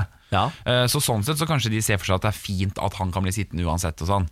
Eh, klart, Spørsmålet er om han er interessert i det, eh, faktisk. Jeg tror det er der, der det står. Det er jo ikke om Partiet kommer ikke til å kaste han, men om han, hvis han skal inn i regjering med Frp nå, sier at det kanskje ikke jeg skal gjøre, kanskje noen andre skal gjøre det. Og får han lov til å komme inn i regjering med Frp? Altså, Siv Jensen, vil hun ha han inn der, da? Ja, Siv Jeg tror ikke Jensen. det går Ja, den veien. Jeg tror det er verre enn andre veien med stolthet jeg og tror også altså. hva du står for. Ja. Ja. Jeg tror hvis, hvis Jeg hadde Frp vært ganske surmaga hvis jeg var Siv, ass. Og så viser det seg at de f- allikevel kommer til høyresida, og så skal du drive og sitte over bordet med Knut Arild Hareide, som du veit hater trynet ditt, og som prøvde å felle deg det, det han klarte. Nei, Og men så hun skal sitter du finne- nå på det hun vil, så hun har det jo fint, hun. Ja. Vi får se, da. Dette dramaet det skal jo nå vare i fire uker. Fire uker, altså 2. november, da blir det valgvake, det blir øl og ballonger, og det blir jo så spennende. Herregud. Men hvordan, eh, Hva føler du inni deg nå da, Henrik? Det er liksom noen andre som sitter på en måte måte i sitt jobbmøte og bestemmer over deg. Ja. Det er en Hvordan helt føles det? forferdelig følelse. Ja, det er det, det. er faktisk det, altså. Det er ikke noe god følelse i det hele tatt. Og det er sånn, Du føler at du har lyst til å gjøre noe hele tiden. Ikke sant? Du føler at du har lyst til å ringe til noen og mase på Ja. noen. Sånn. Men det må du jo ikke gjøre. Nei. Det, da blir jo, det er jo man- det andre triks hvis du skal prøve å sjekke opp noen. Ikke mas på dem. Ja, og så er Da blir det jo- utroskapet sånn, ikke bli den koko personen som driver og ringer. Ikke sant? Ja. Jeg driver og stalker på Facebook og sånn. Ja, ikke det gjør det. må du ikke gjøre. Sitte stille i båten. Ja, nettopp. Hvem er du sammen med nå? Mm. Var det Jonas jeg hørte i bakgrunnen der? Vi må runde av, Henrik. Jeg vet det er eh, offisiell åpning av Stortinget i dag. Ja, ferien er Eh, over. Eh, Ja, nå skal dere tilbake på jobb. Det var på tide. første dag på jobb i 2. dag. oktober. Ja. Eh, Men det betyr at du skal møte kongen i dag. Kongen kommer. Herregud, eh, hils, da. Det skal jeg gjøre, altså. Hils Harald. Ja, vi kan sikkert slarve litt i Vi går Harald. way back, jeg og Harald. det gjør Eller Harris, som jeg kaller han. da. Lang historie. Vi tar, tar, den, tar den over en øl en annen dag. Eh, Henrik Asheim, takk for besøket. Vi snakkes. Det gjør vi, ass. Morgen på Radio 1. Hverdager fra seks. Riktig god morgen. Dette er Morgen på Radio 1. Og da har vi Ken her, da, vet du. Hallo! Og så har vi Samantha Skogran her, da. Hello. Og så har vi Lars Berrum Fott. Ja. Velkommen. Takk skal du ha. Er du klar til å gjøre det du gjør best? Ja, vent litt, da. Nå er jeg klar. Lars Bærums morgenkviss. Tre spørsmål, alt skal besvares. Alle svarene kommer helt til slutt. Vi må ha et quizlagnavn. Jeg har et forslag, skal jeg komme med det? Har du det? Niklas Dårlig. Nei. Hvordan har vi ikke kommet fram til Nei, det det, det tidligere? burde jo Ja, være morsomt, faste navnet. Kjempeoriginalt. Ja. Er dette noe du ble mobba med da du var yngre? Eh, Det har hendt at jeg har hørt det ja, i Ja. oppveksten. På fotballbanen og sånn.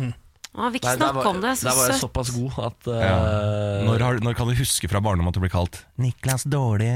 det var, eh, Men det var liksom eh, Til og med barn syntes det var eh, for dårlig til å bruke for mye. Så det var sjelden. Det var voksne.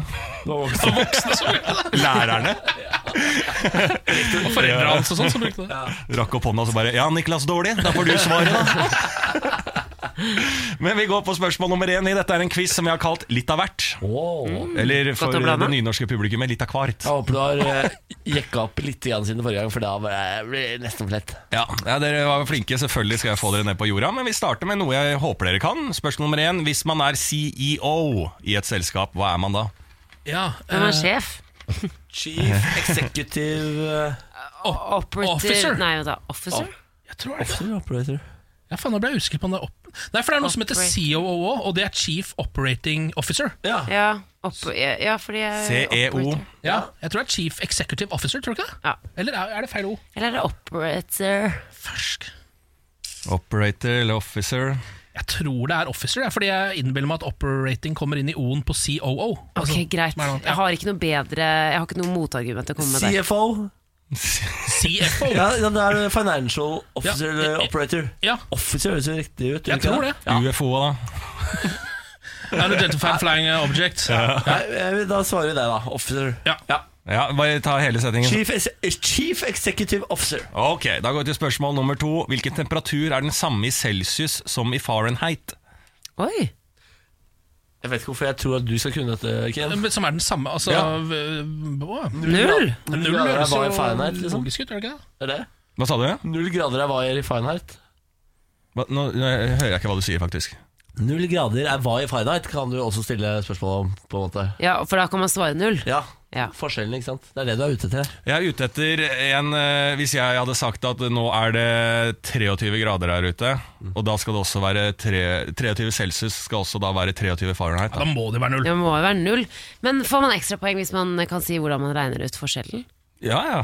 Eh, Man regner ut forskjellen hvis man tar f.eks. fra Fahrenheit til celsius, så tar man minus 30 delt på 2, så har du svaret i celsius. Er det sant? Det er helt sant. Wow. liker jeg. Ja, det, det skal jeg få ja, ekstrapoeng for. Ja, Var det null som var svaret deres? Jeg tror det var det vi gikk for. ja. Ok, Da går vi til spørsmål nummer tre. Hva er Cohiba og Monte Cristo?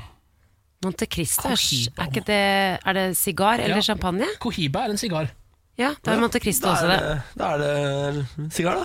Sigar? Mm. Ja. Ja, Da går vi og får alle svarene. Herregud, altså, hvis vi får tre Du, rette nå ikke vær kokk... Nei, Nå må tett, ikke du tett, gå tett, inn, nå må tett. du- Kan ikke være cocky før du er på svarene. Du, Han tok seg inn i det han skulle si nå. Hvis man er, spørsmål nummer én var da Hvis man er E CEO, CEO i et selskap, hva er man da? De- Dere svarte da ikke Chief Execu- Exec- Executive eh, Er det Mm. operator. operator nå, så skal jeg Dere svarte Chief Executive Officer, og det er riktig.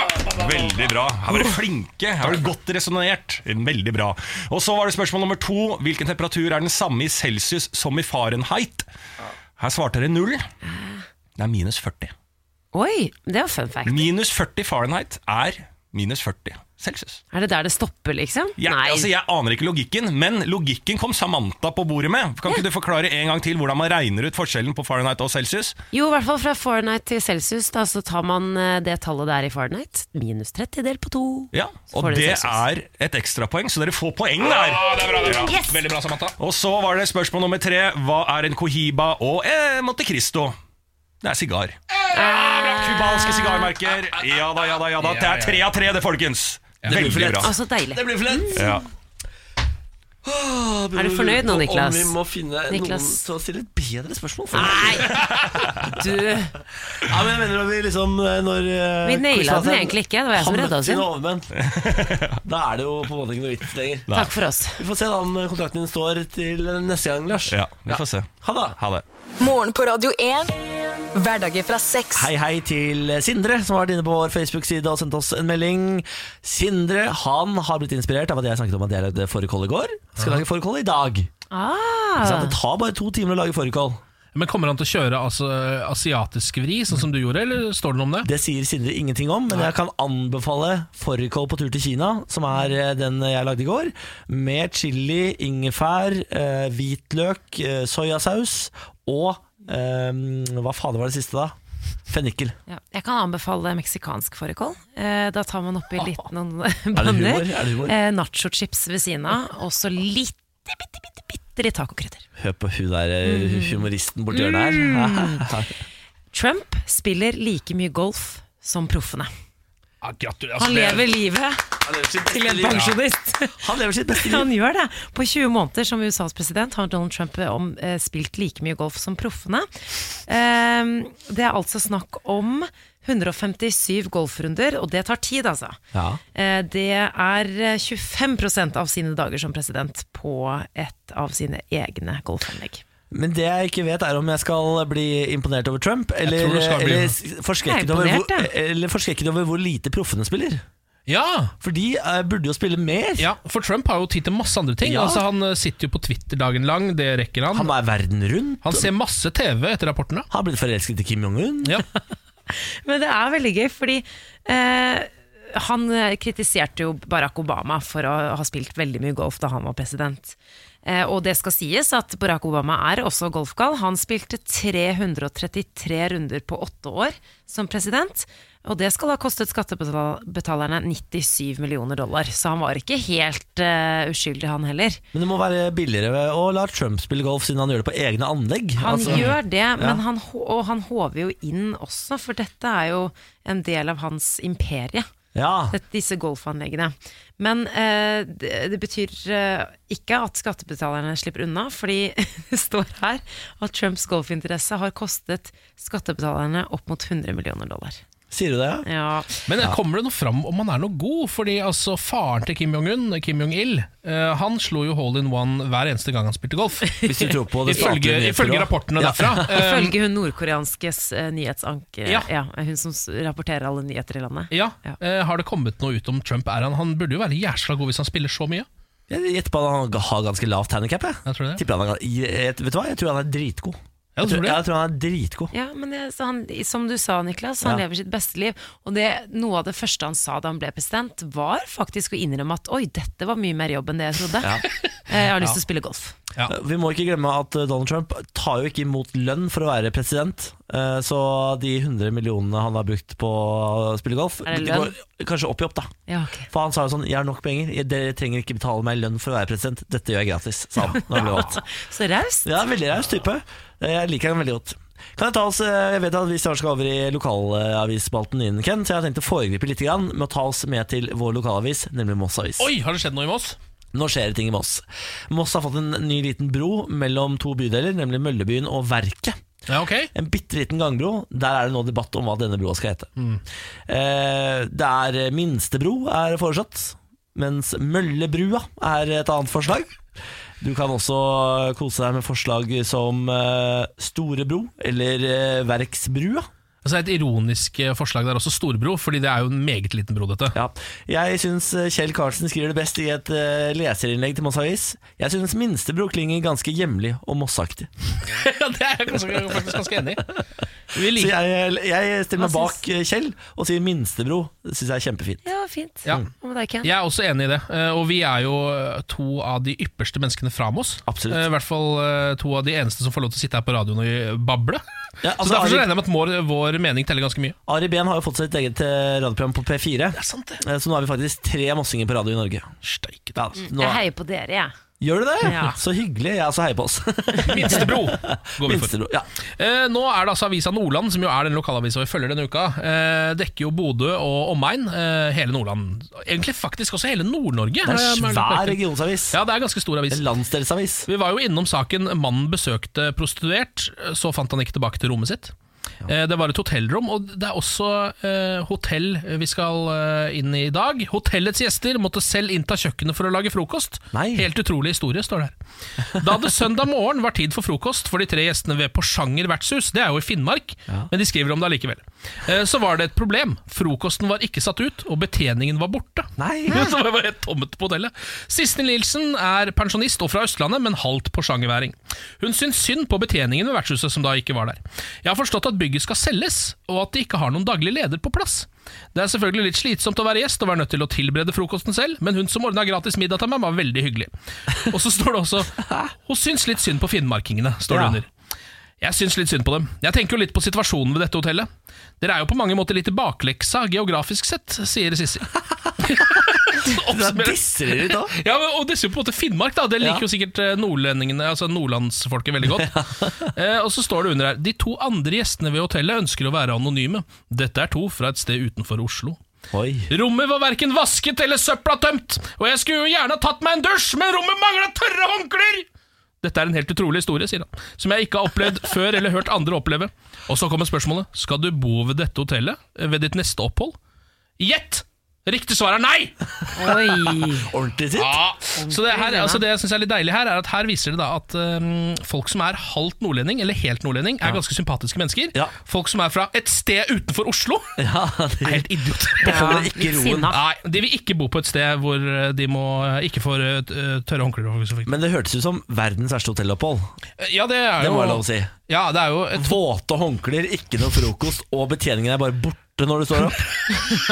Altså, jeg krever ofte litt mer fra mine hoteller, det må jeg skal jeg ærlig Ja, innrømme. og så er det hotellfrokost. Det er på en måte den eneste grunnen eh, til å bo på hotell. Det er Ja. liksom den beste grunnen, i hvert fall. Enig. Ja. Porsanger, Porsanger gjesteriveri, eller hva det het. Ja, øh, det står Porsanger vertshus. Ja. Vertshus, ja. Mm. ja. Tegnekast 1. Ja, Porsanger hus kan de kalle det, for det er jo ikke noen verter der lenger. Nå bytter jeg navn til det, da. Det blir bra, det. Ny, eh, ny nyhetssak i morgen fra Avisa Nordland. Ja, den, jeg vet allerede hvilken jeg skal ta opp i morgen. Den er, faktisk, den er litt grov. Er den grov? Ja, den er litt grov. Oi, Ja. for en tis. Ja. Du kiler meg. Du kiler meg på de rette stedene. Ken. Jeg gleder meg. Morgen på Radio 1. Hverdager fra seks. Skal vi si hei til Heidi? Ja, halla. Heidi er eh, våken, er med oss, har sendt oss melding på vår Facebook-side, radio1.no. Det er veldig hyggelig, Heidi. Tusen takk for det. Vi setter veldig pris på det. Folk som tar kontakt med oss, de går jo fra å være vanlige lyttere til å bli våre superbrukere. Ja, rett og slett. Eh, og vi blir ekstra glad i dere. Vi får et eh, varmt forhold til dere. og Jeg kommer til å huske på dere til den dagen jeg dør. Altså, Man må passe på at ikke det skal bli for mye her også. Ja, det er sant, det. det er sant det. Skal vi sette i gang med reality check, eller? Ja, det, altså Begge dere har jo eh, vært med i reality-programmer. 71 grader nord, for eksempel. For eksempel Masterchef. Mm, Mas- Firestjerners middag. Ja, der ser du. Eh, jeg har ikke vært med på noen ting. Vi prøver å finne et konsept som kan passe til min litt bedagelige livsstil, eh, i spalten Reality check. som Ronny går ut av huset. Og Anette føler seg sikkert ikke noe jævlig høy i hatten. And who will be the apprentice? Dette er Paradise Hotel. Kan jeg få lov til å prate ferdig? Ja, Da er det bare å la spillet begynne. eh, Og i dag skal vi snakke om eh, reality-serien som hadde denne kjenningsmelodien. Ja, Litt sånn deilig jazz. Eh, Denne her gikk på TV3 fra 2000 til 2001 og het Baren. Altså, jeg husker det så godt. Ja, dere husker dette Jeg husker konseptet? det så godt, jeg elska det. Det var da en gjeng unge mennesker som var samla sammen eh, for å drive en bar og leve av de inntektene i ca. tre måneder. Og så bodde de vel i andre etasjen? Ja, de bodde i etasjen over. Eh, og så eh, var det sånn at de måtte etter hvert hver uke så måtte de i stolen. Da var det da én som på en måte eh, fikk minst stemmer av de andre deltakerne. Ja. Og så den som fikk flest, kunne velge hvem den andre i stolen skulle være. Og så ble en av de to stemt ut. Skjønner du? Barstolen, Ja, i barstolen. Ah, nettopp, Jeg tror det var det de tenkte på. Ehm, det ble jo i Norge spøkefullt kalt for Robinson på bar. Eh, og hadde jo altså, sterke øyeblikk som gjorde sterke inntrykk, som f.eks. dette. Eh, nå har vi fått eh, tappe øl for første gang, iallfall mange av oss. Vi har prøvd å tappe sprit og lært litt grann om det systemet de bruker her for å, for å tappe. Og det virker veldig greit. Veldig spennende. Nå blir det bare å vite hva vi skal blande oppi de forskjellige glassene. Da. Så, Her er da deltaker fra første sesong, Tom, Tom Erik, eh, som forklarer litt av eh, utfordringene de har da, når de blant annet skal blande drinker på denne baren. husker denne baren veldig godt. Lå i Karl Johans gate i eh, Ja. Oslo. Ja. Og jeg husker, eh, jeg var jo bare 11-12 år gammel, så jeg kunne jo egentlig ikke komme inn på en bar. Men hvis du hadde med deg en verge eh, Ja. som var over et eller annet, da, over 20 eller et eller annet, sånt, og så kunne du komme inn på dagtid. var du der Jeg fikk ikke lov. Jeg fikk ikke med meg noen. Jeg tror, jeg tror faktisk jeg og min mor var der inne og drakk en der ser kaffe og du. en brus en gang. faktisk mm. Eh, premien var på første sesong på 250 000, og i andre sesong på 1 million. Da vant Bjørn, husker jeg. Barn Bjørn vant, andre, vant en million. Jeg leste også en sak eh, i VG en gang om at han utvikla klaustrofobi etter at han hadde vunnet en million kroner. Ja, men i alle dager da Ja, Eh, ok, men hva, da må vi gå gjennom dette Da har jeg jo satt opp en slags sjekkliste, reality-sjekkliste Mm. Ja. eh, For å finne ut om dette kan passe for meg 1 til 10 er måten vi graderer det på Hvor fysisk behagelig vil dere si at det er å være med i barn? Å danke rundt der, Ja. ganske behagelig. Altså, Du må jo kanskje stå litt, da. Man må Det er det stå eneste litt. jeg kan Ja. komme på. Jeg tror, ja. jeg tror det er eh, overraskende slitsomt det, er faktisk å drive og eh, jobbe i bar, fordi du må høre på andres fylla ræl hele tiden. Hver eneste kveld. Ja, Du det er går inn på god det lytter, da, psykiske Ken. ja. Ja, ja, jeg er ikke- ja, eller det er fordi jeg holder litt kjeft Eh, Jeg er ikke så god lytter egentlig Inni meg så raser det Jeg ser for meg deg som en sånn bedagelig pubeier, men kanskje litt mer sånn britisk stil, hvor det er sånn Ja. ruller inn én og to. Den baren i Karl Johans gate tror jeg er ganske heftig. Ja. Men altså, det, er jo, det er jo langt bedre enn å sulte på en øy, f.eks. Så sånn sett er det m- mer bedagelig. Ja, ikke sant? Jeg, Ja. Tror, jeg tror jeg slår til med en, eh, en fysisk behagelig. Jeg slår til med en sekser, jeg, for det er litt, litt mye ståing. Eh, Psykisk behagelig. Man må jo snakke med folk hele tiden. Man bor tett oppå de andre som man også jobber med. Ja. Virker litt grann slitsomt. Ja. Eh, da tror jeg ikke jeg kan, men det er ikke så veldig ellers. Jeg, Ja, men du må huske på at når det her gikk på TV, så var det jo såpass stort at eh, du ble jo superkjendis. Så når folk kom drita fulle inn der i helgene og sånn, så var du Da var da, da, det, det var nok et trøkk du vanskelig kan forestille deg. ja, det, vet du hva, det går ned til en treer bare på det. Eh, hvor eksotisk er det? Du sitter på Karl Johan eh, i en bar. Dette er jo megaeksotisk. Dette er jo alle unge gutters drøm å drive bar. Ja, alle jo- unge jo, men- gutter men har Eh, jo alle- drømt om å drive bar. Jo, men Alle unge gutter er også på bar minst fire ganger i uka, så hvor eksotisk er det å være der? Ja, og Karl Johans gate er vel ikke en gate du elsker, Ken, med Nei. tanke på at det er folksomt der. Nei, dette mener jeg er megaeksotisk. Kom igjen. Eh, nei, eh, Det er veldig lite eksotisk. Ja, jeg syns ikke det er så veldig Syns du ikke eksotisk. det? Dette hadde jeg tatt helt opp på tieren. jeg, På Nei, eksotisk. men hva er det da- Da, Jo, for det er, det da er- lider du av vrangforestillinger. Men det er jo altså En av mine store drømmer er å drive eh, pub. Jeg har lyst til det, men jeg vil ikke si det er eksotisk. Nei, vet du jeg- velger ikke. jeg- Nei, jeg, jeg lander på en treer på eksotisk. Jeg syns Ja. ikke det er så eksotisk. Premie blir jo tier, fordi altså én million. En million En dollars. million kroner? Og dette var på 90-tallet, var det det? Nei, dette var 2001. Ja, og det, er- En million da var veldig mye penger. Det var enda mer penger enn det er nå. Sjanse for ligging og kjærlighet er jo siste sjekkpunktet. Stor, tror jeg. Jeg tror det er ganske stor, for man bor jo sammen i andre etasje, Man og drikker hva mye. er en bedre enn om at man tar seg liksom, Man drikker litt, og så hei hå. Ja, og dette var jo før eh, metoo-tider, så her var, folk var ikke så opptatt av hvor fulle folk var, og sånn, så du kunne ligge med ganske fulle folk. Ja, det er sant det Uten at det Vet liksom ikke ble hvor positivt det er å dra inn metoo. Du- Ikke Nei, jeg vet ikke hvor Få på positivt deg det er, men- frivillig, Nei, da. men Det er positivt for sjansen for ligging. Ja, det er Det er det. det. Jeg tror det. Absolutt. Jeg l- l- slår til med en nier på dette. Ja. Skal vi se, da må, jeg- er det Hoderegningen min er jo aldri helt god, men 22, 25 Er det 31, eller? Ja, det stemmer det. 31 poeng, det vil, si at den, eh, altså, det vil si at Barn ikke gjør det så bra. Den er over Ex on the Beach og Farmen, men under Big Brother og Robinson.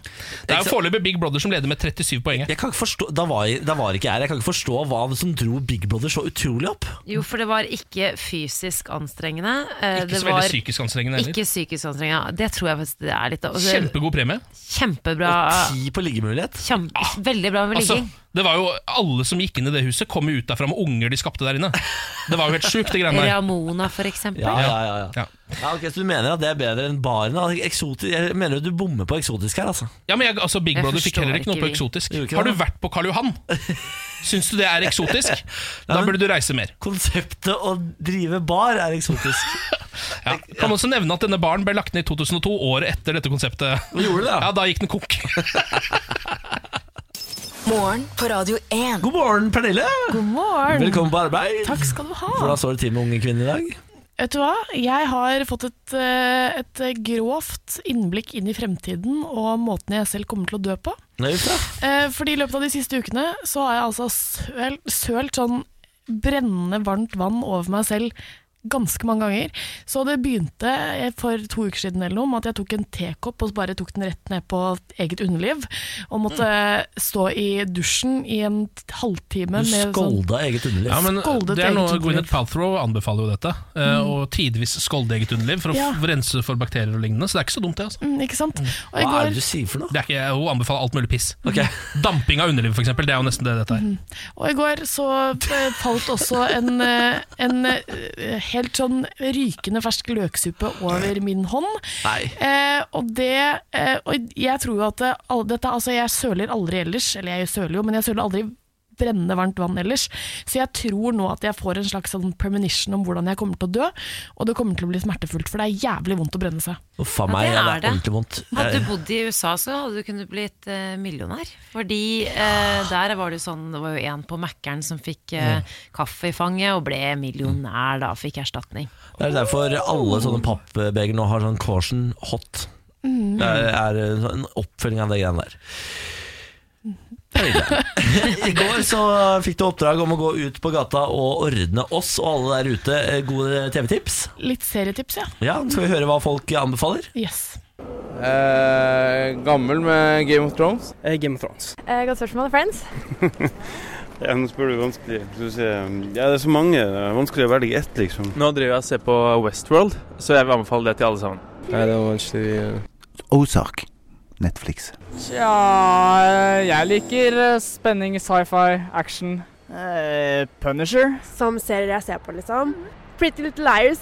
Mindhunter. det handler om eh, en sånn politimann på 60-tallet som eh, prøver å få altså den mentaliteten i politiet om at eh, det finnes eh, sånn psykotiske mennesker som ikke følger typisk sånn motivmønster da, for drap. Mindhunter er kjempebra tips. Ja, det er det. Ja. Men jeg må si eh, Game of Thrones, Westworld, det, det holder ikke som Mm. tips. Nei, nei, jeg er helt Det, enig. det, det her må folk eh, ta selvkritikk, for det er ikke godt nok. Altså Det som er at folk eh, undervurderer mine serietitteregenskaper hvis de tror at jeg ikke har sett alle disse seriene.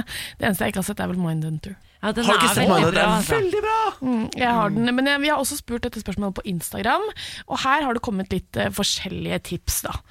The Handmaid's Tale den mener jeg også at alle bør se. Eh, ja, det, det er ikke godt nok som tips, mener jeg. Bodyguard aldri hørt om. Bodyguard har ikke det. Det, Nei, det er ikke den godt filmen nok med Kevin tips. Costner. Nei, det er ikke det. Nei, det er også verdt å American Gods. Nei, det er bra tips. Nå Ja. jobber vi. Shameless, Outlander, Castle Rock, Dexter og Black Mirror. Og Yes Prime Minister, det har jeg aldri hørt om. Dexter, ass. Jeg skulle ønske jeg aldri hadde sett det, for da kunne jeg sett det på nytt. Ah, Ja, Dexter var helt fantastisk. Ah, fantastisk. Det er en gammel TV. Det er eh, godkjent, for det er på en måte ikke så innlysende som Game of Thrones. Men Det er litt som å se True Blood nå, og det også er litt eh, gøy, på en måte, Fordi det er ikke alle som har sett. Jeg tror ikke jeg har sett True Blood. Jeg. Det er Eller ganske det bra. er True Detective sesong 1, også en veldig Ikke to, da. True Detective That. ja, ja, ja. Jeg skal gi deg et nytt oppdrag eh, til morgen, Pernille. Eh, Jeg er jo nerd, som alle vet. E-sport-fanatiker. Eh, Og det er jo veldig vind om dagen. Altså, herregud, e-sport er jo i ferd med å eksplodere. Men den store debatten jeg alltid havner i, er er e-sport en sport? Kan vi bare ta en liten runde på det her først? Altså, jeg er jo ty veldig tydelig i den Ja, saken. ja. Det er det selvfølgelig. Jeg mener jo at det også er det, i likhet med at eh, sjakk eh, er en sport. For Ja, nei, jeg mener at uh, verken sjakk eller eh, dataspill er sport. Jeg er helt, helt enig med deg, fordi at eh, både altså, Hvis e-sport skal være så- sport, så åpner du også for at eh, kokk, som, eller sånn kokk, matlaging De har kokkelag, de har alt mulig, men det er jo ikke en sport likevel. De har jo VM Bocuse d'Or. Ja, men det er fortsatt ikke en Ja, det er sport. ikke en sport. Man kan godt si at det er en Åh. event, at det er en kulturell happening. Jeg er helt med på det, og at man må trene opp og sånne ting, men at det er en sport Ja, der du er jeg bruker jo hjernen din. Altså, det er ikke den der samme fysiske greia som eh, på en måte fotball eller ski, men det er jo, man bruker jo hjernen på en sånn enorm Ja. måte. Da. Jeg så en sånn synstest som eh, var gjort av e-sportspillere. De som er gode i e-sport, de har eh, raskere oppfatningsevne enn jagerflypiloter. Oi. Ja. Men jagerfly er heller ikke sport. Bare så det er sagt. Ja, Ah, men, altså, Vi får se hva folket syns, da. ja, vi får se hva folket syns. Det er en sport, jeg må bare informere om det. Heter jo Altså, Ja, det er definert, definert som en sport. Ja da, det er det. Mm. Eh, Og det skal kanskje bli en OL-gren til og med, så her er det bare å holde på Og det blir hatten. kjedelig å se på. Åh. Det er jo Det så er gøy å som å se på. banne i kirken, Det er det er så bare- gøy å se på. Bårli er jo på Det alle de er det sendingene, mors- Pernille. Han sitter jo der og er Jeg var ekspert. ekspert på NRK-sendinga. Du er god. Ja, jeg er kjempegod. Og hele konseptet er også jævlig bra. Du får gå på gata og høre hva folk syns. Da. Dette er Morgen på Radio 1. Nå er det endringer på gang i skimiljøet. Ja, Ski Tour eh, 2020 skal ha en- en rekke nye elementer som skal dra skisporten inn i det miljøvennlige. Jaha. Ja. Har du lest om dette, Samantha? Du Jeg som er skidama? har eh, faktisk lest om det. Jeg syns det- overskriften var veldig gøy. Ja, altså eh, Overskriften er 'Northug og Klæbo tvinges til å ta toget'. Får heller ikke bruke så mange skipar de vil. Eh, her har man eh, gjort noen endringer da, for å liksom få en litt grønnere profil. Eh, og Det er bl.a. at eh, Northug må skrote den der turnébussen han kjører. Han har jo Team Northug sånn svær Beat the Street-buss, som Carpe Diem og sånn kjører når de er på turné. Eh, nå må de ta tog. Eh, og så er det visstnok eh, Det virker til at det kan være såpass upopulært her at de liksom har lagt ganske mange tiltak eh, i bunnen her for å sørge for at folk faktisk tar tog. Eh, og spørsmålet fra NRK hvordan skal dere kontrollere at alle tar toget? Vel, En måte å gjøre det på er å ha startnummer og transpondere de- som deles ut på toget, f.eks. før etappen fra Storlien til Meråker. Eh, vi kan også ha pressekonferanse, TV-studio osv. på toget. Så det- med andre ord, det ligger store deler av liksom, arrangementet til toget for å sørge for da, at eh, Klæbo og Northug ikke skulker unna. Og Vi tar legger buss. lista ganske høyt her, og pressekonferanse De kan jo altså, Det høres jo jeg, jeg mener jeg har en liten konspirasjonsteori. Jeg mener at dette er eh, direkte rettet mot nordmenn. For jeg er så lei av at vi kommer der med de der store bussene og smørebuss og hei og hå. At nå skal de på en måte prøve å gjøre det litt mer rettferdig for alle. Ja, og at vi skal- litt miljøvennlig At òg, vi da. skal bli dårligere. Ja. Ja, å ja, så De prøver rett og slett å svekke Norge. Det er min teori. Men det kan være lurt, det, fordi det er jo til og med mange nordmenn som ikke gidder å se på ski lenger fordi vi vinner for mye. Ja, det er sant det. Mm. Det er sant. Tyskland for eksempel, så viser de jo ikke langrenn på hovedkanalen lenger. De viser det på sånn NRK ja, Tre, liksom. Tre, ja. Uff a meg, da. Eh, I tillegg til dette så skal det altså begrense antall skipar hver utøver kan bruke. Er det for å begrense altså, den totale ski... Det- du må ikke- Industrien, sånn at man ikke skal lage så mye ski? Du må ikke spørre meg, men Matshus har kanskje litt for eh, godt overskudd? Da. Skal det, Ja. Men det er jo kanskje det man s- Jeg vet ikke, men det, når de smører skiene og sånn, så er det jo noen midler oppi der som kanskje ikke er så veldig bra. I hvert fall når de står der inne og smører. Da. Jeg vet ikke hvor Ja. farlig det er for miljøet når de går på, på snøen, Ja. men det kan jo være noe sånt noe, da. Nå skal altså kvinner og menn gå like langt. Fellesstarten blir like lang. Men er det, mil- har det noe med miljø Nei, eller det er bare, det noe er tillegg. likestilling? Det er bare, det noe, det er bare noe tillegg det er lagt til her.